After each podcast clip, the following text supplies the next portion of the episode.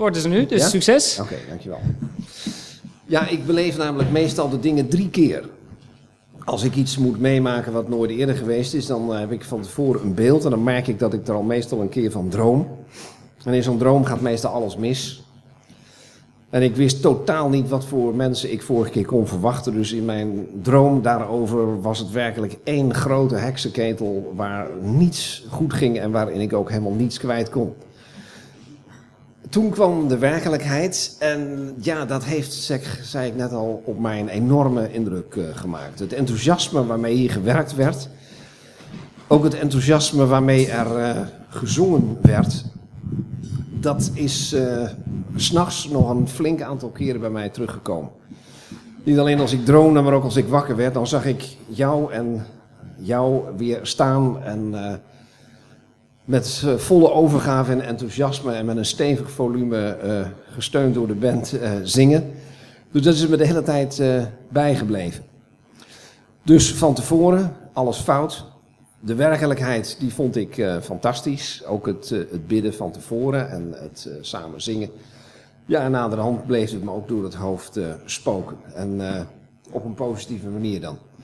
Dus dat wou ik toch nog even zeggen. Dat ik zelf met, met hele prettige gevoelens terugkeek op de, op de vorige keer. Ik wil nu beginnen met een, iets wat ik afgelopen week beleefd heb. En dat vertelde ik zo aan een medegelovige. En die wist dat ik vanavond hier naartoe moest. En die zei, hij zegt dat is misschien iets om mee te beginnen als je weer in Zeist bent. Ik zeg ja, dat is ook zo. Dat zal ik doen. Dan denken jullie misschien, nou komt er een ongelooflijk spectaculair verhaal. Nee, dat is het niet. Uh, ik wil met dat piepkleine gebeurtenisje laten horen dat we toch eigenlijk in een hele vreemde wereld leven. Die eigenlijk van mensen die bij de Heer Jezus willen horen weinig tot helemaal niets begrijpt. En ik zal je vertellen waarom ik dat nu mee uh, deel aan jullie. Afgelopen week zaten we gewoon midden op de dag, uh, het was pauze, zat ik met mijn collega's in nou, wat dan heet de lerarenkamer. Dat hebben jullie natuurlijk nooit van binnen gezien. Dat is heel angstaanjagend voor sommigen. Dat is een kamer vol met leraren. Ongeveer 100 bij ons. En uh, ik zat uh, met mijn uh, pakje brood voor mij. En zoals ik gewend ben, bad ik daarvoor, of liever gezegd dankte ik daarvoor. Nou werk ik dus op een openbare school, dus daar zit van alles. En nou, ik had twee boterhammen bij me, dus zo lang duurde dat nou ook weer niet.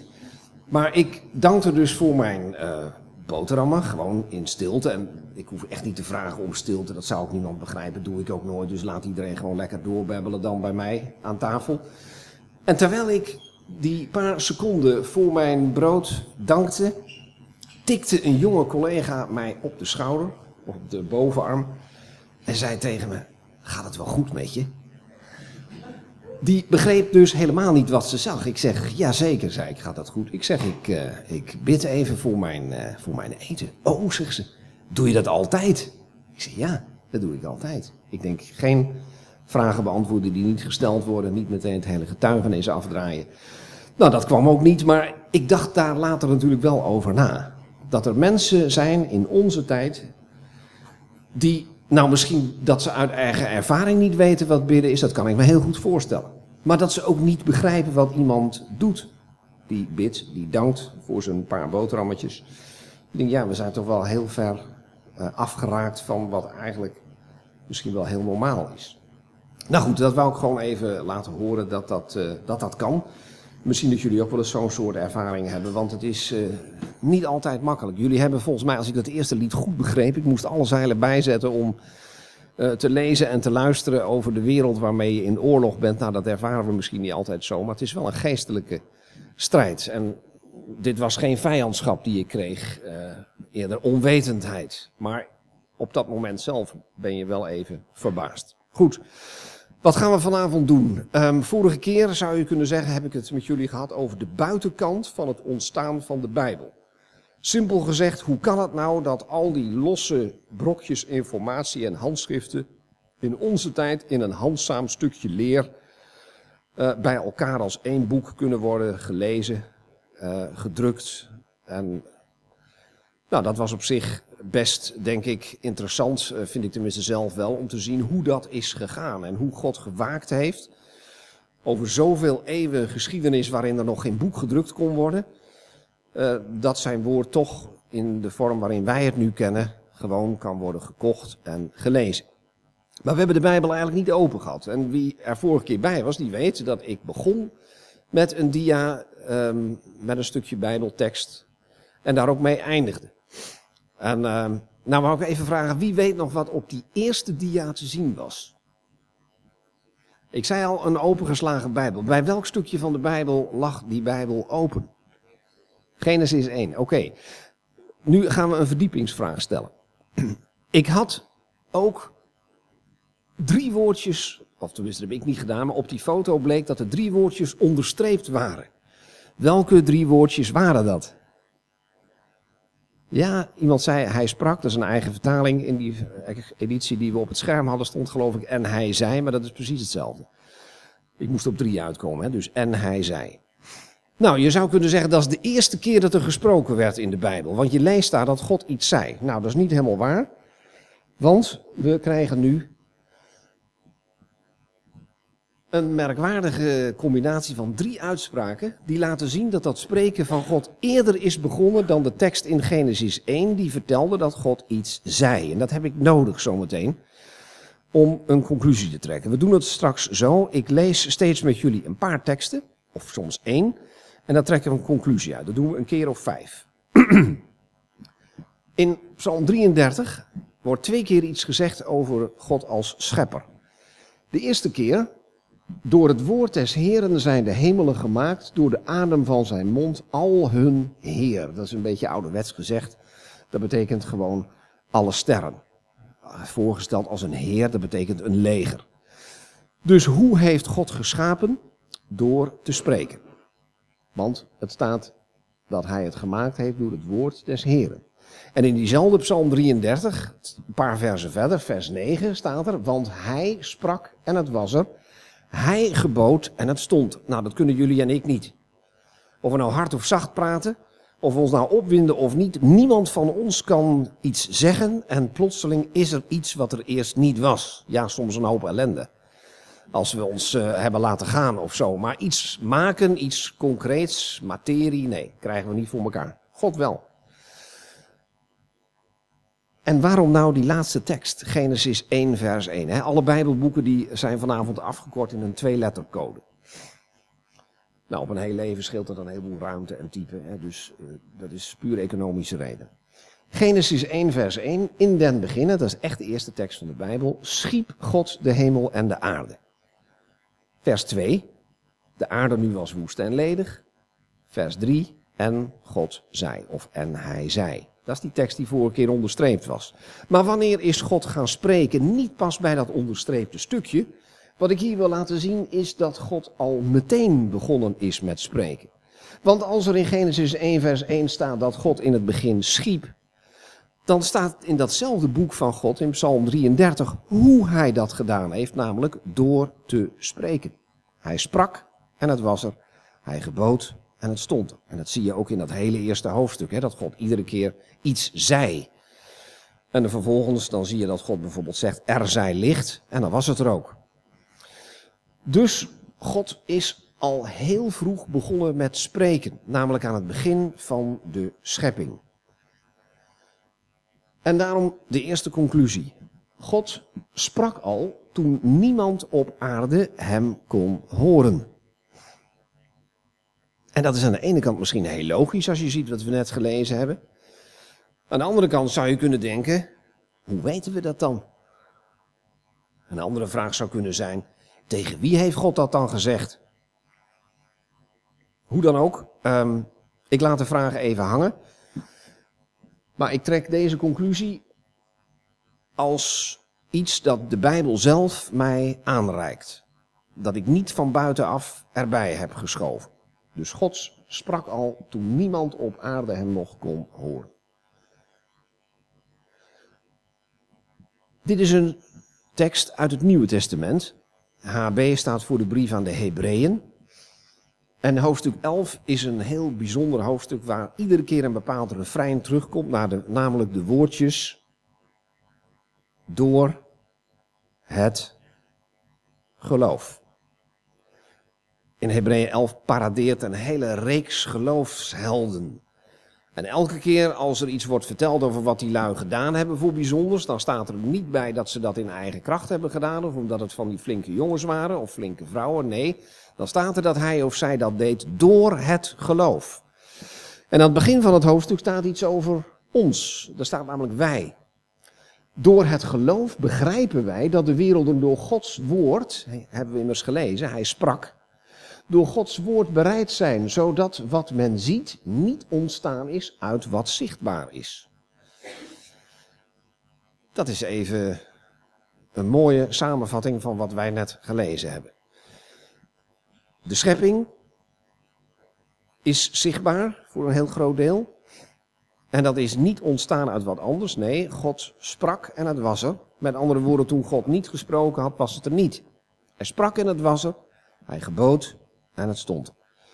Hoe weten we dat nou? Nou, we hebben net een conclusie getrokken en hier zie je wat je nou nodig hebt om dat ook te accepteren. En dat is geloof. Blind vertrouwen. En als er één is die wij kunnen vertrouwen, dan is het God. Wij mensen kunnen elkaar teleurstellen.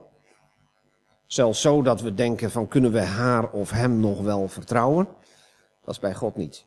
En hij zegt, uh, geloof mij maar, vertrouw mij. Dat is de enige manier om te begrijpen hoe ik met alles ben begonnen.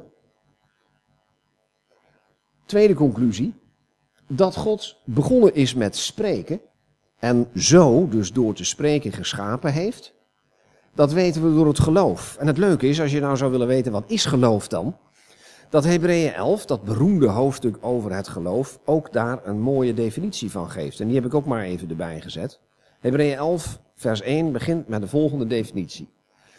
Namelijk het geloof is de zekerheid van wat men hoopt, de overtuiging van wat men niet ziet.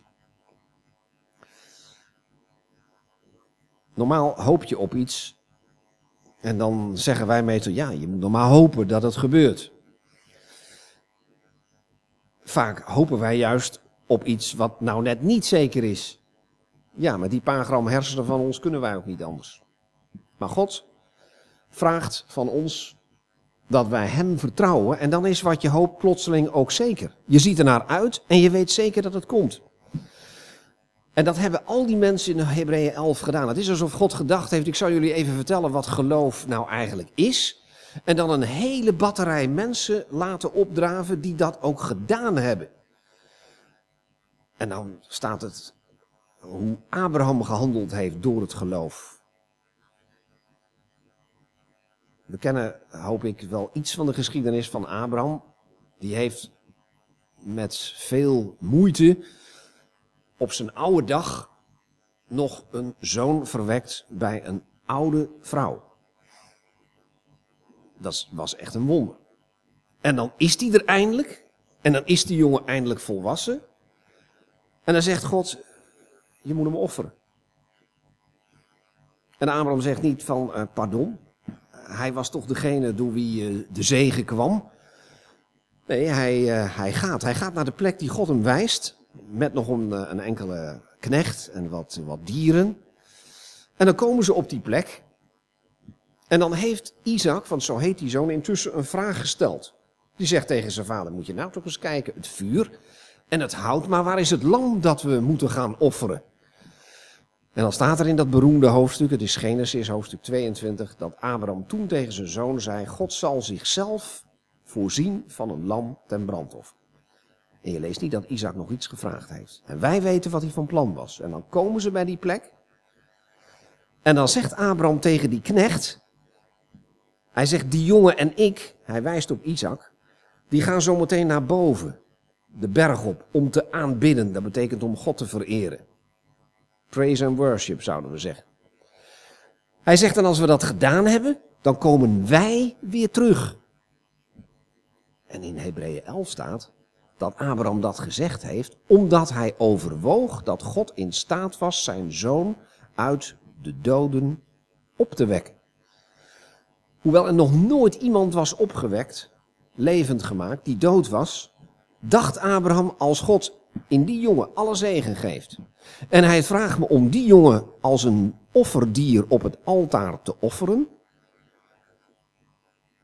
Dan kan dat maar op één manier goed aflopen. Dat is dat God die jongen weer tot leven brengt daarna. En daarom, in dat vertrouwen, ging hij weg en zei hij tegen die knecht: Ik kom met die jongen ook weer terug. En hij zei dat niet omdat hij dacht: Ik, ik offer hem lekker stiekem niet. Hij wou het wel doen.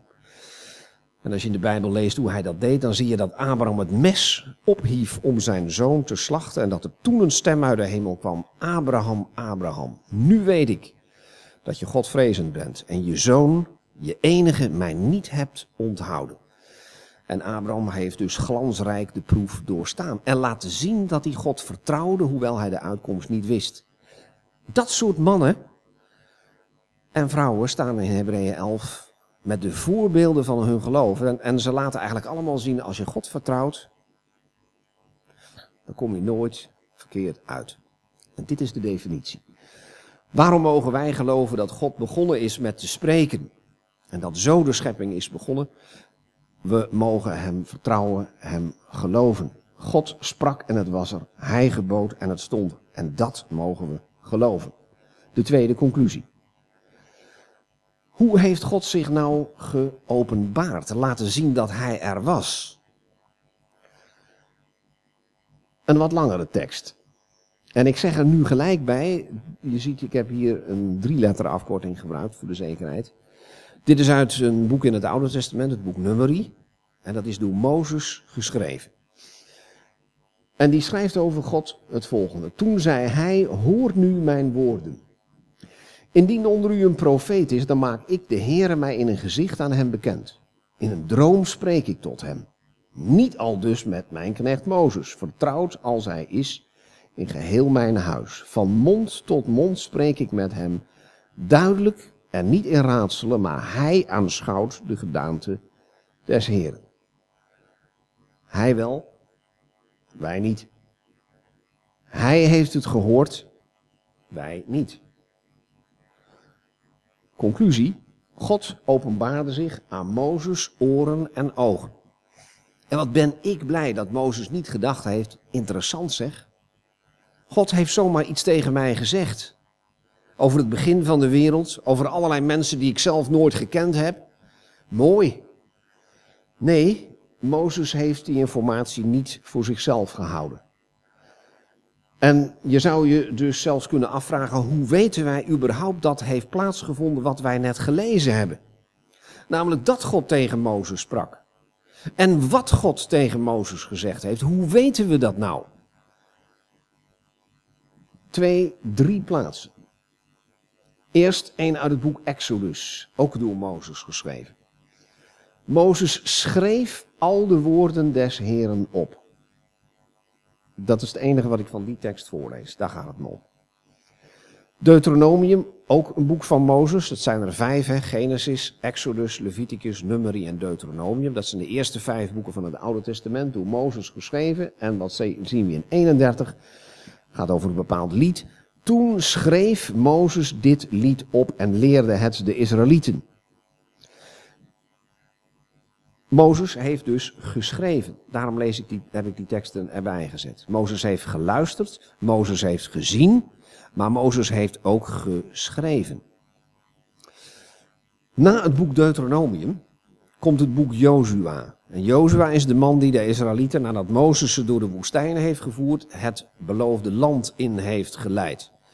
En JZ staat voor Jozua, 8 vers 32, en daar staat er, en daar schreef hij, Jozua, die schreef dus ook, op de stenen een afschrift van de wet van Mozes, het welk hij opschreef ten aanschouwen der Israëlieten. Dus mensen hebben ook Jozua zien schrijven.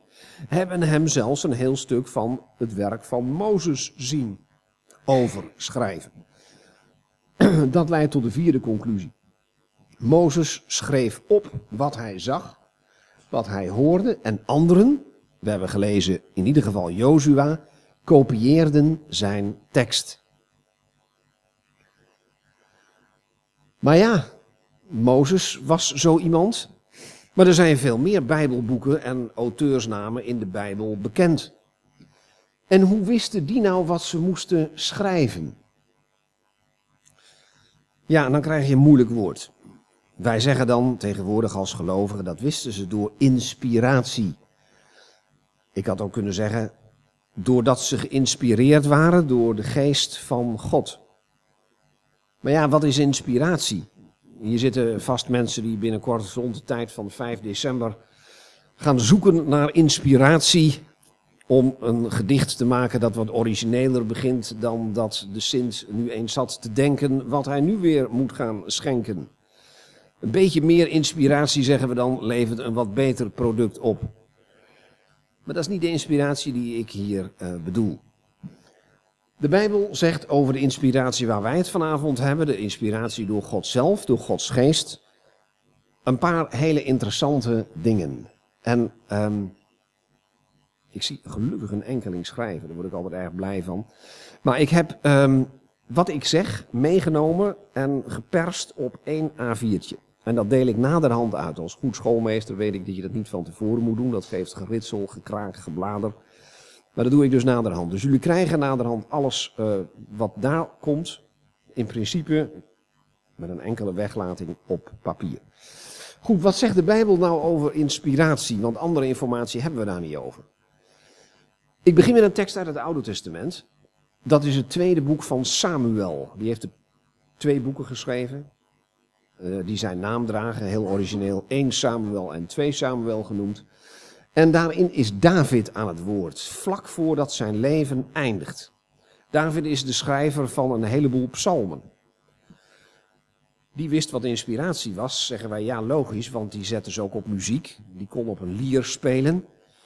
Maar de tekst was ook van hem. En hij vertelt zijn geheim. Hoe wist hij nou wat hij schrijven moest, zijn tekst? Nou, hij zegt, dat gaat als volgt. De geest des Heren spreekt door mij. Zijn woord is op mijn tong. Israëls God spreekt. Israëls rots zegt tot mij. Weer iemand die God hoorde spreken, maar die ook kon zeggen, de geest van de Heer spreekt door mij. Dat woord is op mijn tong. En God spreekt en zegt tot mij. Dat is een van de vroegste voorbeelden waar je ziet hoe iemand schrijft over wat inspiratie nou is. En ik doe niet veel meer dan nog een paar teksten laten zien die daarover gaan. Theologen, godgeleerden, uh, hebben soms hele moeilijke theorieën over inspiratie. Dat ga ik vanavond echt niet doen. Um, ik zeg hooguit iets samenvattends als ik de paar teksten met jullie heb gelezen die hier staan. In ieder geval is het niet zo dat God, als hij dan toch inspireert, het boek Samuel net zo goed door Mozes had kunnen laten schrijven en de boeken van Mozes net zo goed door Samuel. En het evangelie naar Johannes net zo goed door Matthäus had kunnen laten schrijven en het boek Openbaring door Marcus. Als ze toch allemaal alleen maar naar hetzelfde hemelse dicté hadden kunnen luisteren, dan maakt het niet zoveel uit wie het schrijft. Nee, dat is niet zo. God zoekt met zorg zijn instrumenten. En je ziet ook dat de stijl van de ene schrijver heel anders is dan de andere. De ene schrijft in dichtvorm, de ander houdt een echte vertelling, weer een ander geeft profetische woorden weer. David heeft vooral gedichten geschreven, de psalmen. En dit is de achtergrond. En hij zegt het zelf vlak voor zijn dood een nieuwe testamentische tekst. Ik zou haar zeggen, dit is de, bijna de klassieke tekst over de inspiratie. En vergeef me dat ik er voor één keer een Grieks woord tussendoor gooi.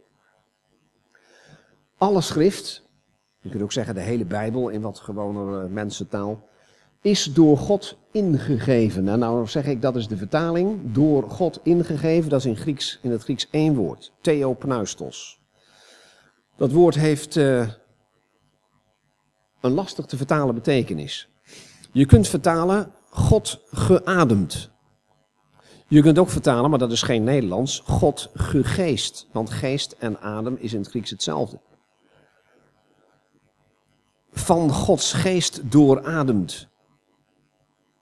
Door God als het ware uit en ingeademd, of andersom. In ieder geval, de hele Bijbel draagt het kenmerk van de geest van God. Het woord inspiratie is aan dit woord ontleend.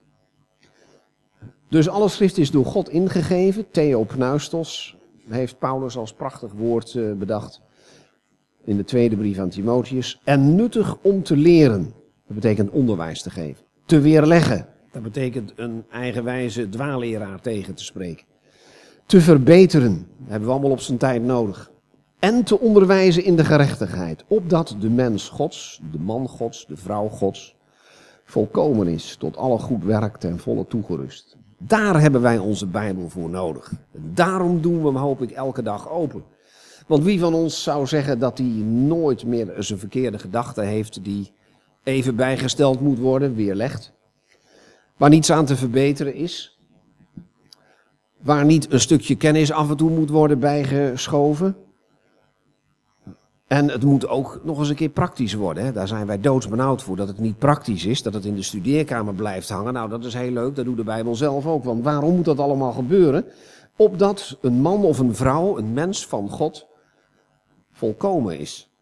Tot alle goed werk, dat, nou als dat geen praktijk is, weet ik het niet meer, ten volle toegerust. Dat is een klassieke tekst in het Nieuwe Testament over inspiratie. Gods geest heeft niet alleen de schrijvers doorademd, zo lazen we dat in het Oude Testament, ook de tekst zelf is van Gods geest doorademd. En daarom, lees je op een andere plek, dat Gods woord levend en krachtig is. Het is niet alleen maar een oud document, eh, wat het Nieuwe Testament bijvoorbeeld betreft, uit de eerste eeuw. Ik lees voor mijn werk dagelijks met leerlingen teksten van vroeger tijden, wel ouder dan de eerste eeuw. En die vind ik machtig interessant. Maar geen enkel geschrift haalt het bij de Bijbel. Want dat verandert mensen. Er is nog nooit iemand veranderd door het lezen van Herodotus. Hoe interessante geschiedenis hij ook vertelt. Door het lezen van de gedichten van Homerus. Of door de geschiedschrijving van Tacitus of Julius Caesar. Machtig interessante kerels, maar ze hebben geen levens veranderd. Maar dan lees je sommige teksten in het woord van God al voor de 150ste keer. Het blijft nieuw. Het blijft levend. Het blijft krachtig. God heeft ooit die schrijvers aangeraakt. En God werkt nog steeds door die teksten heen. Niet alleen de schrijvers zijn geïnspireerd, de tekst, hun woorden. Ze zijn van Gods geest doorademd. Petrus, hè, eenvoudige vissersman, die kan knapen van zinnen schrijven. En toch als je hem beluistert, dan zei men, hé, uh, hey, Petrus en Johannes, eenvoudige en ongeletterde mensen. Ja, wacht even, dat betekent niet dat ze een uh, alfabetiseringscursus nodig hadden. Nee, men kon horen, het waren geen opgeleide theologen, zoals de schriftgeleerden. In die zin ongeletterd. En wat schrijft Petrus? in een stukje dat gaat over de behoudenis. Nou, ik lees het even voor. Je zult onmiddellijk begrijpen waarom ik dit erbij heb gezocht. Over deze behoudenis, onze redding, hebben profeten onderzocht en nagevorst die van de voor u bestemde genade geprofiteerd hebben, terwijl ze navorsten welke of wat voor een tijd de geest van Christus die in hen was aanduidde, toen hij, de geest van Christus dus, tevoren getuigde van het lijden dat over Christus zou komen en van de heerlijkheden daarna. Aan hen werd geopenbaard dat ze niet voor zichzelf, maar voor u de dingen bedienden die u nu zijn aangekondigd door hen die u het evangelie hebben verkondigd door de Heilige Geest, die van de hemel is gezonden. Dingen waarin engelen begeerig zijn een blik te werpen. Petrus zegt, die mensen die zo lang geleden geschreven hebben, die zelfs van tevoren zeiden, er komt een Messias en die gaat lijden. Er komen mensen die hem zullen vereren en mensen die hem zullen verwerpen. Die hebben dat gezegd door de geest van Christus die in hen was. En die hebben hen ook verteld dat niet alles wat ze zeiden over hun eigen tijd ging. Is ook voor ons erg leerzaam. Wij lezen vaak de Bijbel zo ik gericht. Van wat betekent dit voor ons? Wat heb ik hier aan? Nou, die profeten hebben dat ook gedaan. Niks menselijks was hun vreemd en hun heeft God geopenbaard. Er zijn ook dingen in de Bijbel die gaan niet over jullie. Nou, dat denk ik ook vaak als ik in mijn Bijbel lees. Daar staan dingen in die een grote betekenis hadden en hebben voor andere mensen dan voor mijzelf. die ik belangrijk vind om te lezen, die God in zijn Bijbel heeft laten staan. Maar niet alles in de Bijbel gaat over mij. Er gaat ook heel veel over de Heer Jezus zelf, over God, over engelen.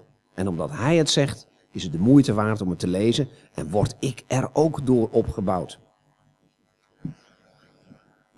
Petrus heeft nog een uitspraak gedaan. Die kon ik wat groter afdrukken, want die is wat kleiner.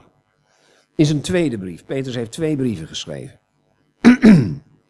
Want niet door de wil van een mens werd ooit profetie voortgebracht. Maar heilige mensen, heilige staat tussen scherpe haken omdat sommige handschriften dat woord niet hebben. We hebben vorige keer wat foto's van die handschriften gezien. Hè? Nou, daar zitten wel eens verschillen tussen. Dus het woord heilige, daarvan weten we niet helemaal zeker of Petrus dat zelf heeft geschreven of dat sommige mensen het hebben toegevoegd. Maar het zou ook kunnen dat andere mensen het later hebben weggelaten. We zien in ieder geval dat de teksten voor de boekdrukkunst niet helemaal in evenwicht zijn daarover. Nou, ik lees het gewoon erbij. Nog een keer, want niet door de wil van een mens werd ooit profetie voortgebracht, maar heilige mensen van Gods wegen hebben door de Heilige Geest gedreven gesproken. Dus die mensen hebben niet zelf gedacht van kom, laat ik vandaag eens een stukje Bijbel schrijven. Ik was gisteren geëindigd bij hoofdstuk 2, we gaan vandaag hoofdstuk 3 doen. Mochten ze dat toch gedacht hebben, dan zegt Petrus, dat was niet hun eigen wil. Ze zijn van door de geest gedreven.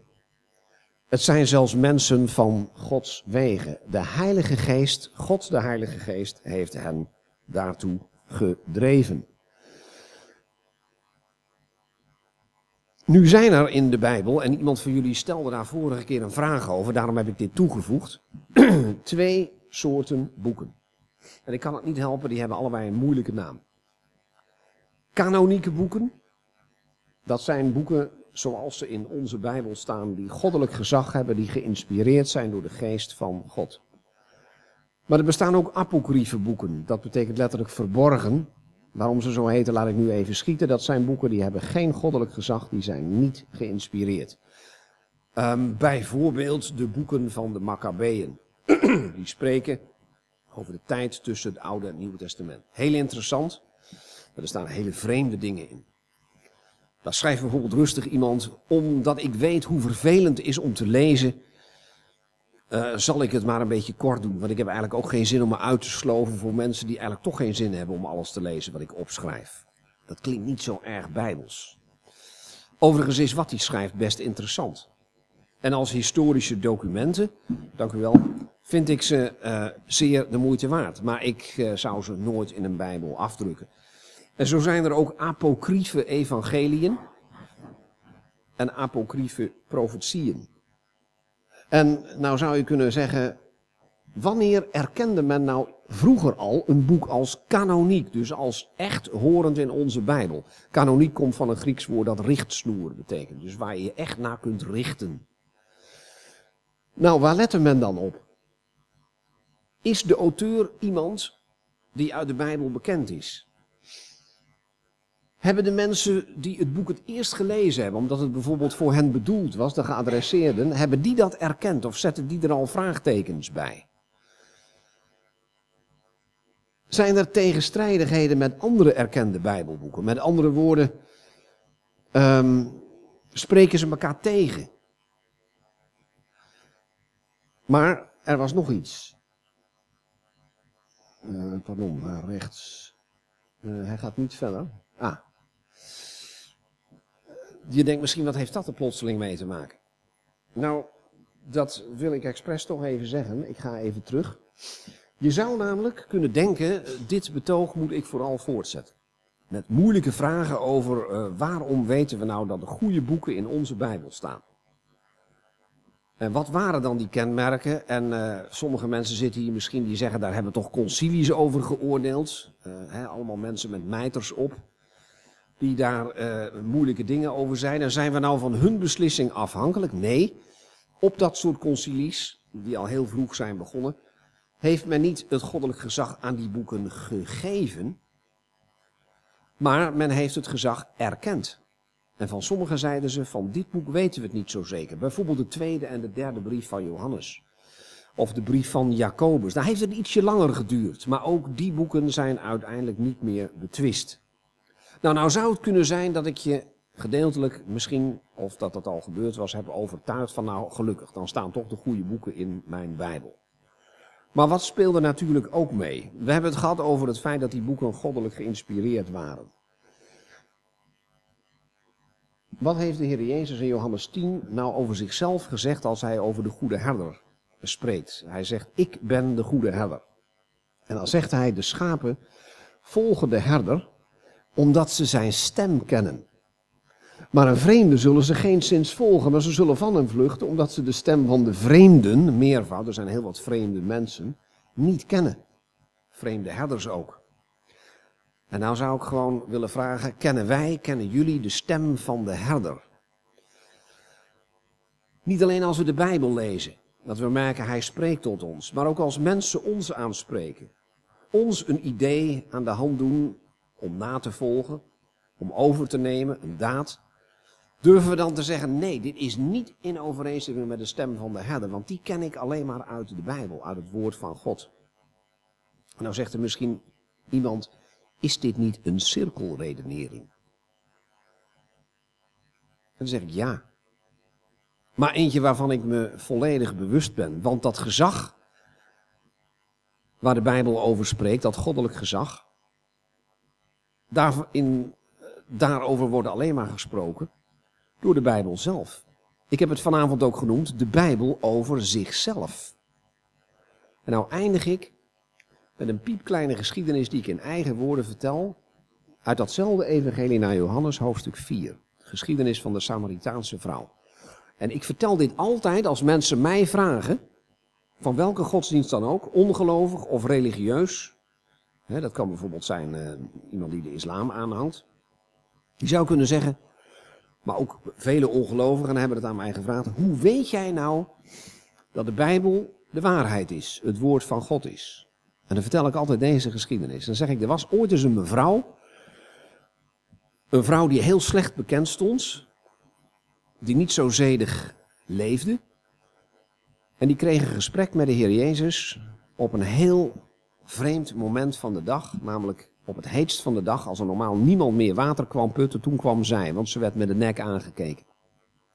En de Heer Jezus was daar op dat moment ook en kreeg een gesprek met deze vrouw.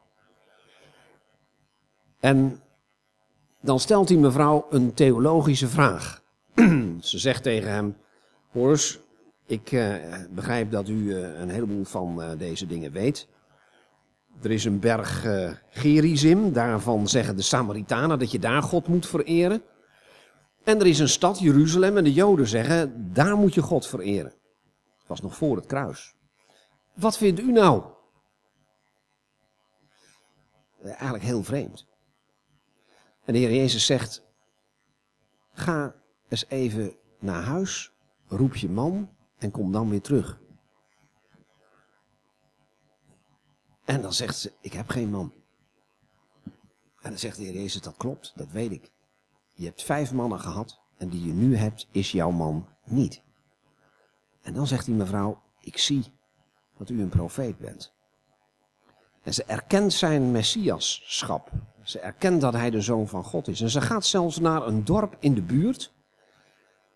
En dan zijn er mensen die vragen aan haar: hoe kan het nou dat jij zo over hem spreekt? En dan zegt ze: en dat is wat me zo aanspreekt, omdat hij mij alles verteld heeft wat ik gedaan heb. En dan zeg ik: ja, dat klopt. Er is geen boek dat dat doet. Er is geen enkel boek, hoe heilig het ook wordt genoemd, dat mij vertelt wat ik gedaan heb. Dat tegen mij zegt, hoe goed je het ook bedoelt, Gerard Kramer. Maar voor God kun jij niet bestaan. Met al je goede gedrag, met al je nette gewoontes. God weet wat je denkt, wat je gedaan hebt, wat je doet. En dan zeg ik, ja dat klopt, geen enkel boek doet dat. En het geweldige is, datzelfde boek wijst ook de weg naar omhoog. En vertelt me niet dat ik dat allemaal ongedaan moet maken, maar dat er een ander geweest is die in mijn plaats de straf heeft gedragen die ik verdiend heb. Dan zeg ik, dat vind ik in geen één boek terug. Dus, kort samengevat, als iemand mij vraagt, waarom weet jij nou dat de Bijbel het woord van God is? Dan zeg ik, omdat dat het boek is dat precies doet wat die vrouw over de Heer Jezus zei. Zij zei, hij heeft mij alles verteld wat ik gedaan heb. dan zeg ik, als ik dat boek lees, dan merk ik dat God mij in zijn röntgenapparaat houdt. Dat God mij scant. Dat dat boek mij vertelt hoe ik werkelijk ben. En daar word ik niet zo vrolijk van.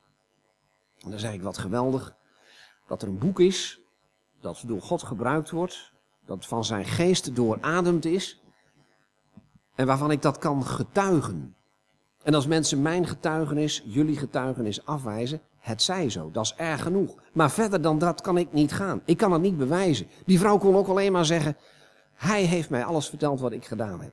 En dan zeg ik, dat boek vertelt mij wie ik precies ben.